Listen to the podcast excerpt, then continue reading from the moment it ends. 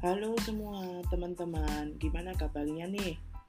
Uh, di podcast kali ini saya akan memberikan uh, semacam diskusi yang memang saat ini saya sedang tertarik.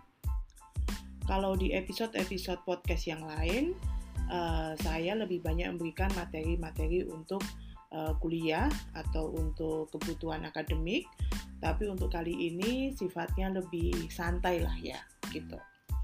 Nah, um, kalau uh, saat ini episode ini, mungkin kalau saya mengatakan ini adalah episode resensi buku, kayaknya bahasanya sudah tidak cukup menarik lah ya.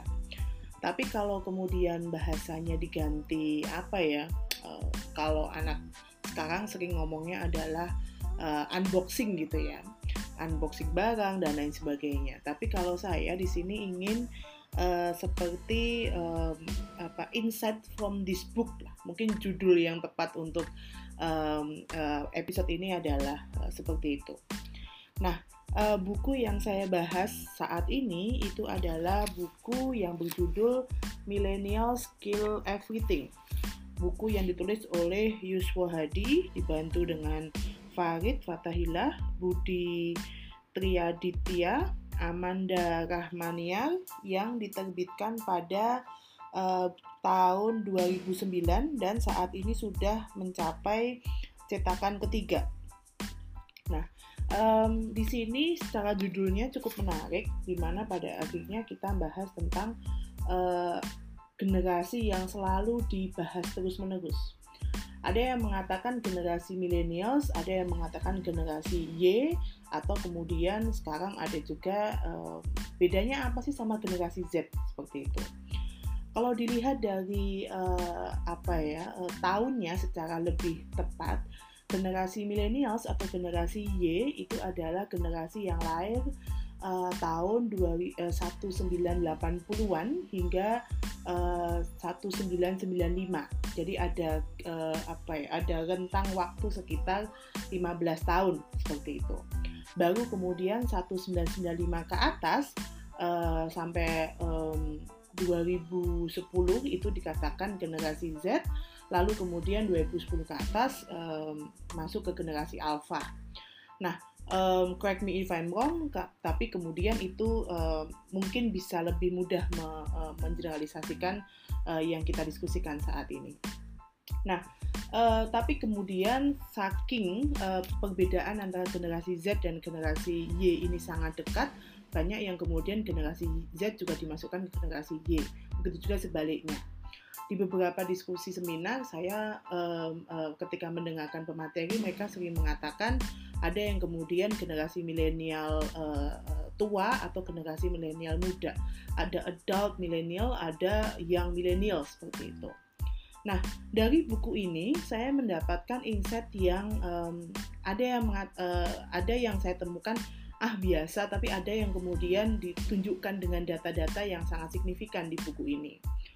Um, yang saya yang saya highlight pertama sebelum kita melihat ada begitu banyak um, apa ya produk atau industri atau kebiasaan apa pun yang dibunuh oleh generasi milenial di mana saya sendiri juga masuk dalam generasi milenial.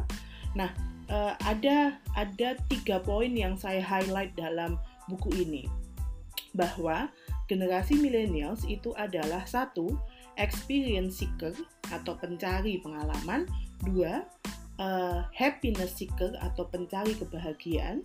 Ketiga adalah meaning seeker atau pencari uh, makna. Nah, dari tiga hal yang di highlight dalam uh, buku ini, kita baru kemudian bisa membreakdown um, produk atau kebiasaan atau industri apa saja yang rupanya uh, dibunuh oleh um, millennials ini. Um, kalau pertama, kalau kemudian berbicara tentang experience seeker, experience seeker ini adalah uh, ya pada akhirnya ya uh, anak milenial itu fokusnya adalah ke uh, pengalaman, all about uh, experience gitu. Nah itu yang kemudian mulai menggeser adanya uh, kon, uh, ada perubahan pola konsumsi.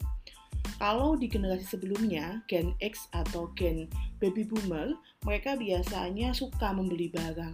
Nah, kalau generasi millennials, ini mulai menggantinya sesuatu yang lebih um, fokusnya ke pengalaman gitu. Jadi mereka fokus ke uh, non uh, apa ya, maksudnya ke leisure seperti itu. Contoh yang kemudian bisa di um, dilihat itu adalah tentang bagaimana anak milenial itu uh, lebih fokus kepada pengalaman. Contohnya pengalaman untuk liburan. Liburan saja kemudian mereka punya keinginan. Contohnya adalah mereka ingin naik gunung, backpacker, camping atau kemudian hidup di beberapa uh, apa ya tempat yang tidak biasa bukan hotel biasa tapi gimana dia bisa merasakan hotel kapsul atau dia bisa merasakan um, apa stay on board, uh, stay di kapal dan lain sebagainya itu yang kemudian ingin dicari fokusnya ke pengalaman.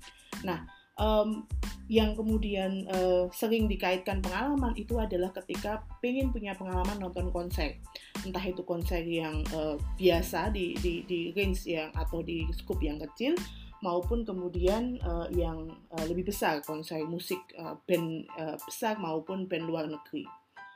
Um, spending uang atau atau uh, menghabiskan uang anak millennials itu juga bisa dilihat betapa mereka ingin nonton film.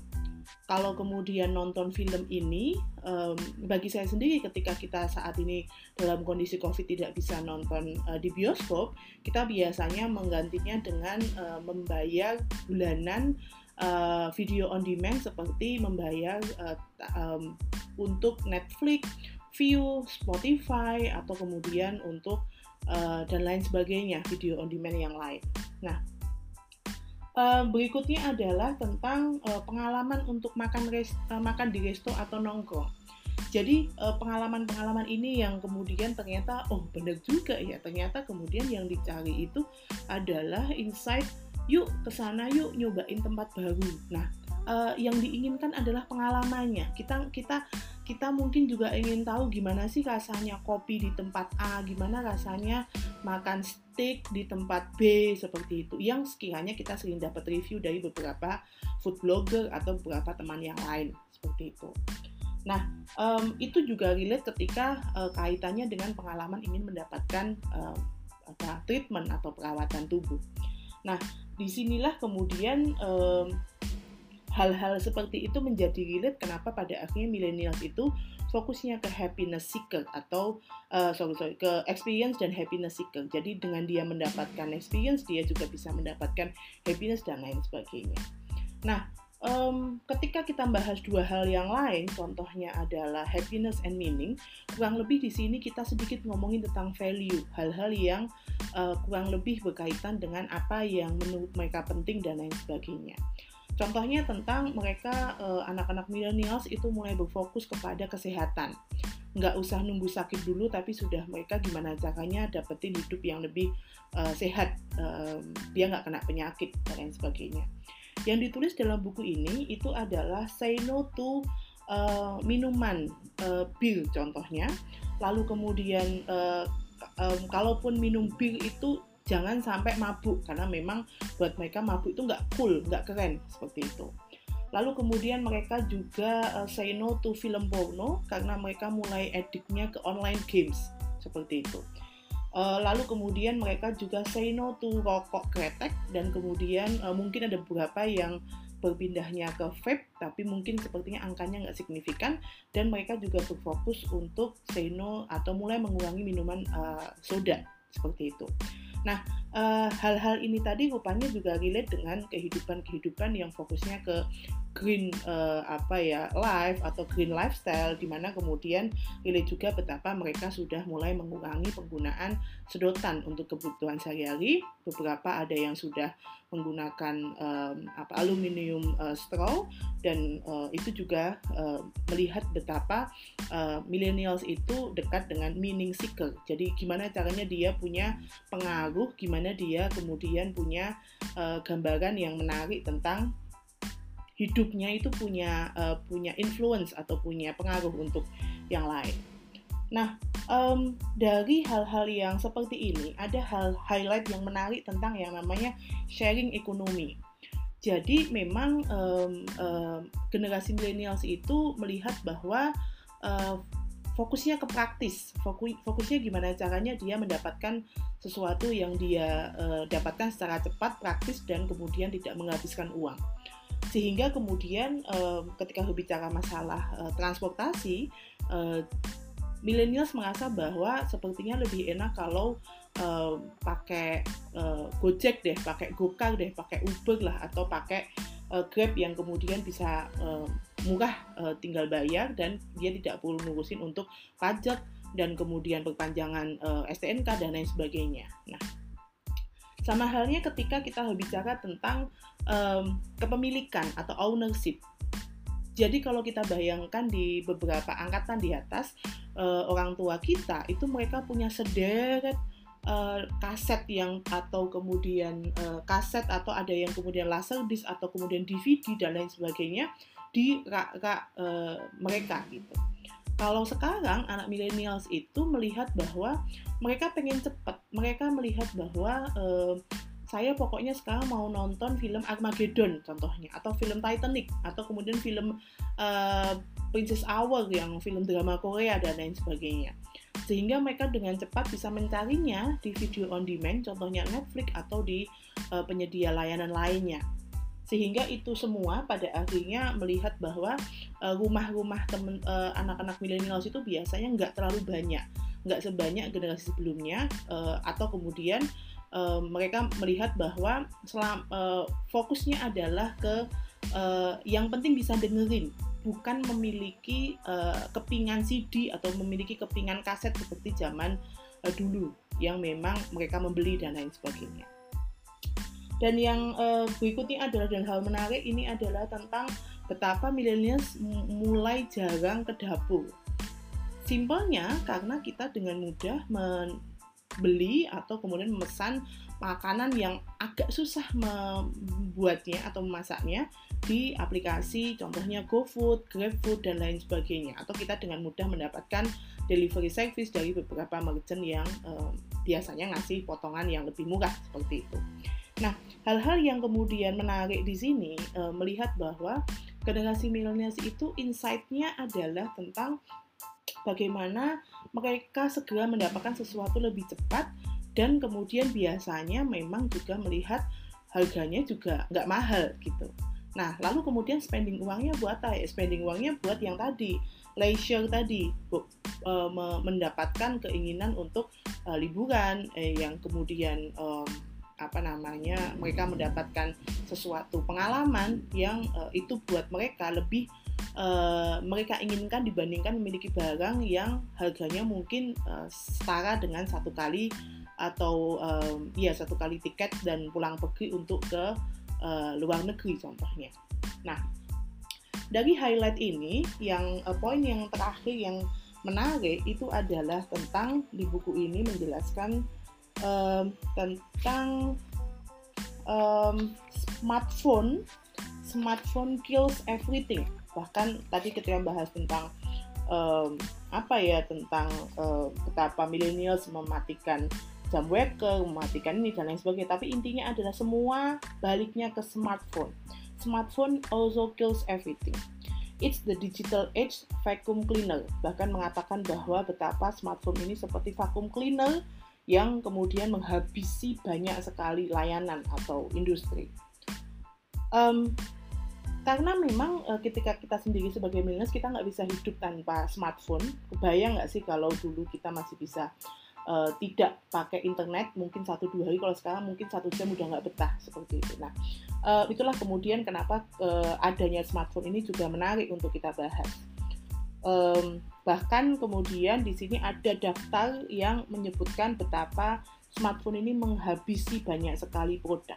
Pertama adalah kalender, kedua kalkulator, ketiga center, keempat buku notes atau notes di handphone kita, tiket pesawat dengan mudahnya kita bisa pesan dari Traveloka, uh, tiket.com atau kemudian dan lain sebagainya, kartu nama, jam waker dan uh, eh, GPS dan lain sebagainya uh, di sinilah kemudian uh, menariknya ketika um, mereka uh, melihat bahwa millennials itu um, berfokus pada sesuatu yang sifatnya uh, praktis seperti itu.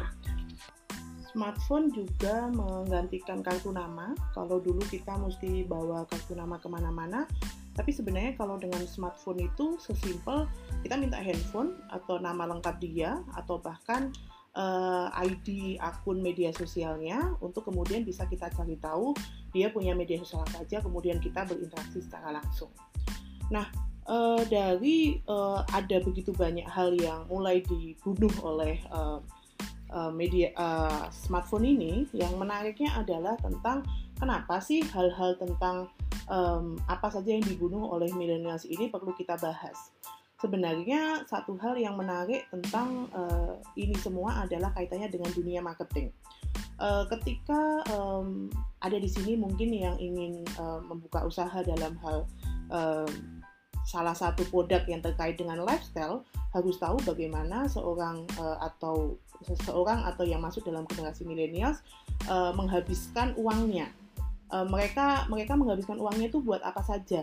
Kalau kemudian produknya tidak laku, jangan-jangan memang tidak disukai atau tidak dibutuhkan oleh para millennials.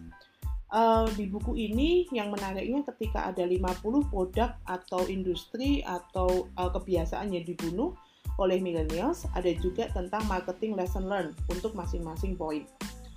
Di bagian belakang uh, ada yang menarik tentang um, apa ya, semacam suggestion atau saran di mana pada akhirnya ketika orang sudah melihat bahwa ada begitu banyak perilaku yang uh, terjadi karena adanya uh, apa ya media uh, kecanggihan serta internet yang digunakan secara maksimal oleh para millennials uh, mereka menyarankan ada tiga hal yang perlu dilakukan. Pertama adalah uh, mengubah paradigma lama menjadi paradigma baru. Contohnya ketika uh, produk yang bernama uh, motor gede atau kemudian dengan beberapa merek namanya Harley Davidson. Harley Davidson itu mungkin uh, iya itu adalah um, apa ya simbol dari status uh, sosial uh, orang-orang yang kaya. Tapi iya kayaknya anak uh, atau orang generasi X atau generasi baby boomer.